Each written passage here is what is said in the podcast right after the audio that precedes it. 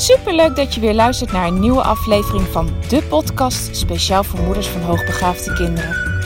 Mijn naam is Eveline Noordzij en in deze podcast deel ik tips en inspiratie, zodat jij meer en meer in jezelf gaat geloven en durft te vertrouwen op je intuïtie. Want jij bent precies de moeder die jouw kind nodig heeft. Hoe ga je om met uitdagende situaties? Wat heeft jouw kind van jou nodig? En hoe zorg je voor verandering in je gezinssituatie door jouw eigen persoonlijke groei? Ik heb er veel zin in om dit allemaal met jou te delen. Dus laten we voor vandaag maar gaan beginnen.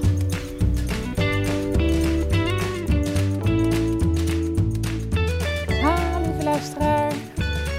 Nou, ik ben weer op mijn ochtendwandeling en dat nadat we best wel vroeg wakker waren geworden, want een van onze kinderen voelde zich niet lekker. En uh, nou ja, zo, zo niet lekker dat uiteindelijk de wc halen niet op tijd lukte. Dus uh, ik kom al uh, vrij vroeg, vroeg, aan de slag met uh, schoonmaken. En ik heb gelijk maar even wat wasjes aangezet. En nou ja, zo hoor je dus, ondanks alles wat we ook doen op reis, niet op reis, het leven als een moeder gaat gewoon door met alle praktische dagelijkse gang van zaken. Maar uh, nu dus eventjes een momentje voor mezelf. Ik denk, ik neem gelijk even een podcast op. Want ik kreeg gisteren een heel leuk berichtje van een moeder. Uh, hun kind heb ik uh, begin dit jaar onderzocht. En ik zoek het bericht er even bij. Want ze slaat zo ontzettend de spijker op zijn kop. Even kijken waar ik hem heb. hoi Eveline. We denken zo vaak aan je dat ik toch je nog even een mailtje stuur. Je was de beste uitgave van 2022. Voor ons heeft dat onderzoek en de gevolgen ervan zo'n verschil gemaakt. Van 80% ruk, waardoor je de 20% leuk niet eens ziet, zijn we naar 80% leuk gegaan, waardoor je die 20% hard werken er makkelijk bij kan hebben thuis. Echt een compleet ander kind thuis. Nou, zoals ik dus net ook al zei, ik heb hem uh, onderzocht. Uh, met de kikt. En dat is nogal een behoorlijk jong kind. Uh, maar kon wel net de kikt afnemen. En ja, dat heeft uiteindelijk zulke mooie resultaten opgeleverd. Hij is namelijk op basis van dat onderzoek uh, naar HB-onderwijs gegaan. En uiteindelijk ja, zit hij daar dus helemaal op zijn plek. En wat het gevolg is van het feit dat hij daar zo ontzettend goed op zijn plek zit, is namelijk dat hij, uh, zoals zij ook schreef, dat het thuis ook zoveel makkelijker verloopt.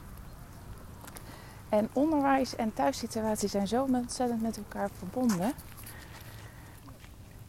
Op het moment dat jouw kind niet krijgt op school wat het nodig heeft, en dat kan zijn in de vorm van begeleiding, van ondersteuning, van uitdaging, het omgaan met gevoeligheden. Eigenlijk maakt het niet zoveel uit, maar op het moment dat het kind niet op zijn plek zit, zal je dat merken in het gedrag. Meestal zal je dat merken in het gedrag in de thuissituatie. Uh, dat ervaren deze ouders in ieder geval ook. En um, ik, ik herken dat ook. Het is heel hard werken geweest in de periode dat de kinderen op school zaten en dan in de periodes dat het niet goed met ze gingen. En wat een last er van mijn schouders afviel op de momenten dat ze, ja, dat ze kregen wat ze nodig hadden. Want dan had ik thuis ook hele andere kinderen. Dan waren ze zoveel makkelijker te begeleiden. Het was zoveel, ja, het ging zoveel simpeler. En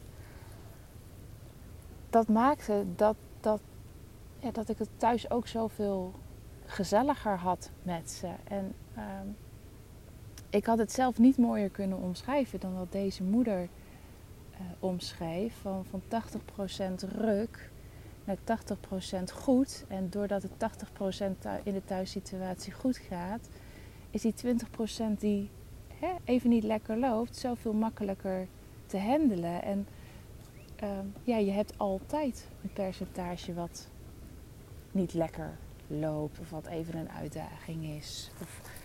Dus dat, dat hou je altijd. Dat houdt iedere ouder, of je nou een HB-kind hebt of niet. Maar het grote verschil zit hem in dat het niet meer 80% rot gaat.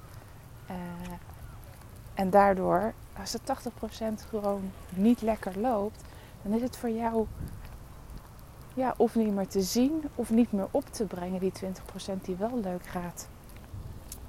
Nou ja, kortom, ik eh, ga er hier geen woorden meer aan toevoegen, want uh, deze moeder omschreef het echt uh, perfect. Maar ik heb hem dus onderzocht al op hele jonge leeftijd. Um, vijf of begin zes was die. En dat doe ik wel vaker. Ik onderzoek vaak vaker heel erg jonge kinderen. En ik vind dat zelf heel belangrijk. En dat heeft ermee te maken dat hoe jonger je erbij bent, hoe makkelijker uh, ze weer een oude ik kunnen worden. En wat bedoel ik daar nou mee? Op het moment dat een kind al heel lang in het schoolsysteem zit en niet krijgt wat het nodig heeft, ervaar je heel vaak dat kinderen of faalangstig worden, weinig zelfvertrouwen hebben, moeilijke dingen niet meer durven aan te gaan. En hoe jonger je al kan zorgen dat ze de uitdaging wel krijgen en dat ze vertrouwen in zichzelf houden, of dat je dat in ieder geval op hele jonge leeftijd kan herstellen, dat is vele malen makkelijker dan als je het heel erg lang laat voortduren. De, de kinderen weer terugkrijgen naar hun oorspronkelijke basis, waarin ze vertrouwen in zichzelf hebben, waarin ze moeilijke dingen durven aan te gaan, uitdagingen durven aan te gaan, is veel makkelijker als ze jong zijn. En eh, gelukkig krijg ik ook heel vaak jonge kinderen die eh, helemaal nog geen problemen hebben, maar waar wie ouders zeggen van ja, ik wil het gewoon heel vroeg al weten, want dan kunnen we er gelijk iets mee. Uh, die kinderen zijn helemaal nog niet beschadigd geraakt. En uh, daar kan je alleen maar nog vooruit en stappen mee maken. En daarvoor vind ik het zo belangrijk om hele jonge kinderen ook al te onderzoeken. En meestal doe ik dat met een IQ-onderzoek. Er zijn ook momenten dat ik zeg van ja, een IQ-onderzoek lijkt me in deze niet zo heel erg goed of zal niet het gewenste effect opleveren. Laten we gewoon eens kijken uh, bij kleuters wat ze nu al daadwerkelijk kunnen. En dan hebben we het over letters herkennen, schrijven, uh, lezen, uh, tellen, rekenen.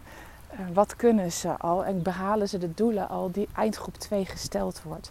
Daaraan kunnen we natuurlijk ook al gewoon zien of een kind wel of geen voorsprong heeft en wat het nodig heeft. Kijk, een kind wat net in groep 1 start, maar die kan al, kent al heel veel letters en die is bezig met zichzelf leren schrijven. Ja, die hoef je geen groep 1 stof meer aan te bieden. Die uh, zal je meer moeten uitdagen met groep 2 stof. En daar zal je misschien mogen denken aan een versnelling. En uh, nou ja, ook daarmee heb ik de laatste jaren uh, mooie resultaten behaald met kinderen bij wie ik dat al op jonge leeftijd gedaan heb met een, uh, met een uitgebreid verslag waarin school aan de slag is gegaan. Dus hè, het, het, hoeft niet specifiek een uh, intelligentieonderzoek te zijn, maar ehm, in ieder geval kijken al op jonge leeftijd wat het kind kan en wat het nodig heeft. Vooral dat laatste, wat heeft het nodig om goed in zijn vel te blijven zitten of weer goed in zijn vel te komen. wat zal school, welke stappen zal school moeten zetten? Dat is natuurlijk het het antwoord wat je heel graag wil hebben. En op het moment dat je daarvoor kiest, of je kiest voor een intelligentieonderzoek, uh, ja, dan ben je er gewoon vroeg bij. En dat is, ja, dat is heel erg fijn. Tenminste, ik zie dat dat hele mooie resultaten, dat je daar hele mooie, mooie resultaten mee behaalt. En dan roepen collega's van mij, ja, maar intelligentieonderzoek bij deze jonge kinderen, dan kan je nog niet spreken van AB. Uh, ja, ik heb daar, nou ja, misschien heb ik dat volgens mij al eens eerder gezegd, daar gewoon wat meer moeite mee, omdat uh,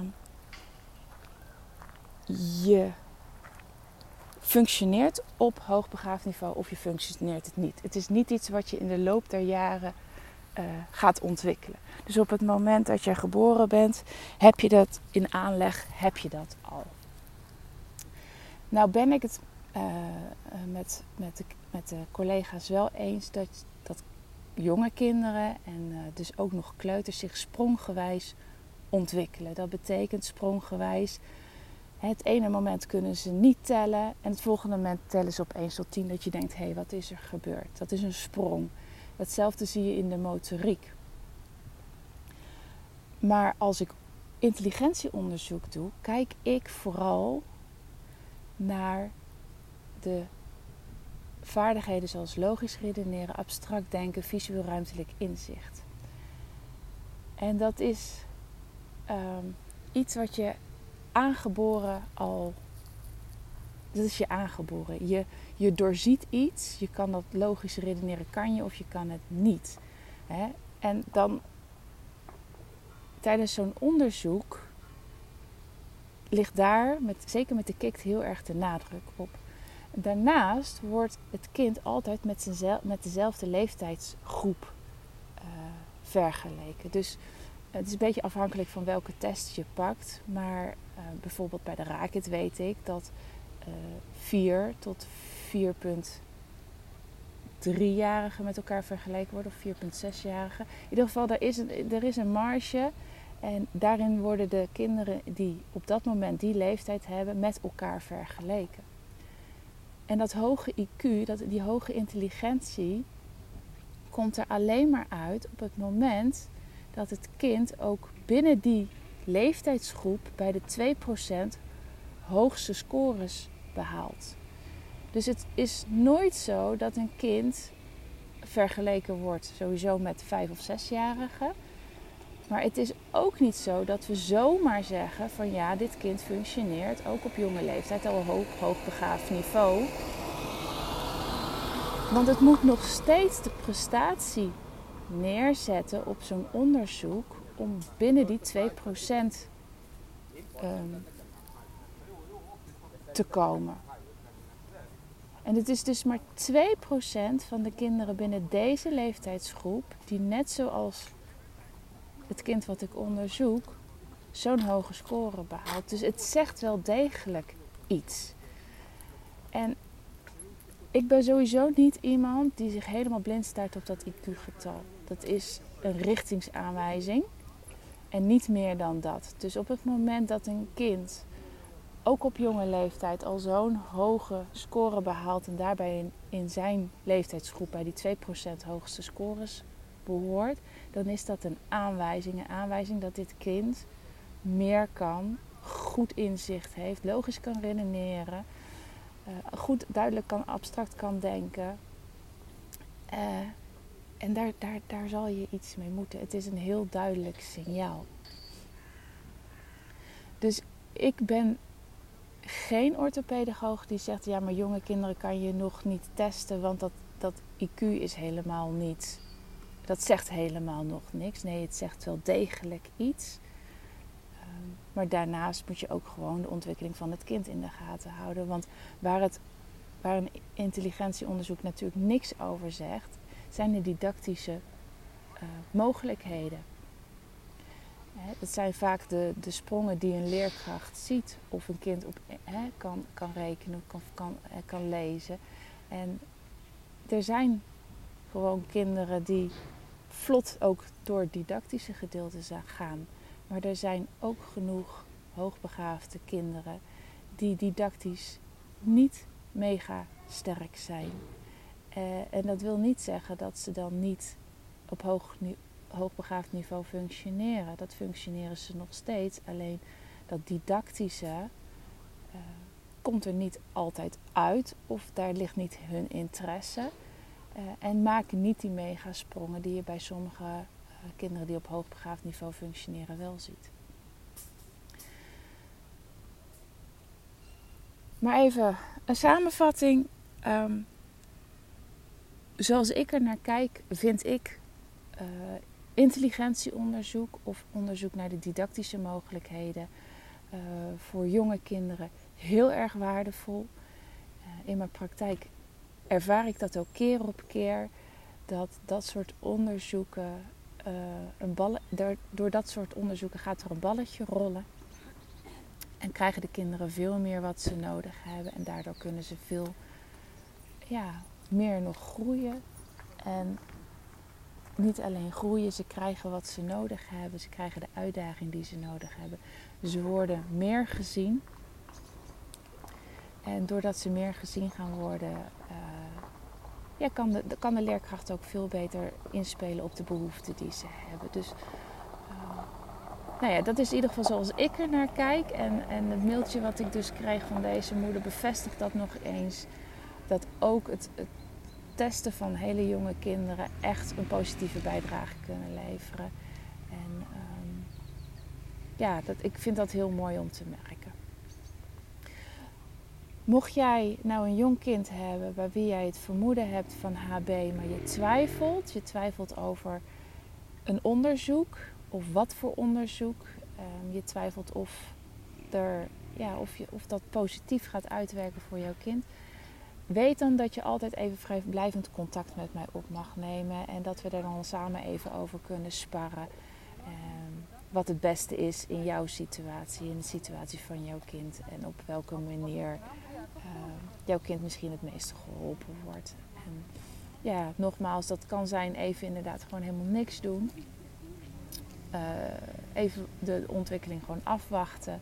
Het kan zijn dat, dat een didactisch onderzoek bij kleuters uh, ja, gaat zorgen voor wat beweging en wat meer uitdaging voor je kind.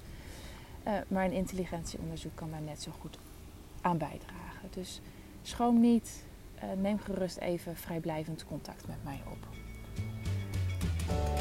Dankjewel weer voor, uh, voor het luisteren.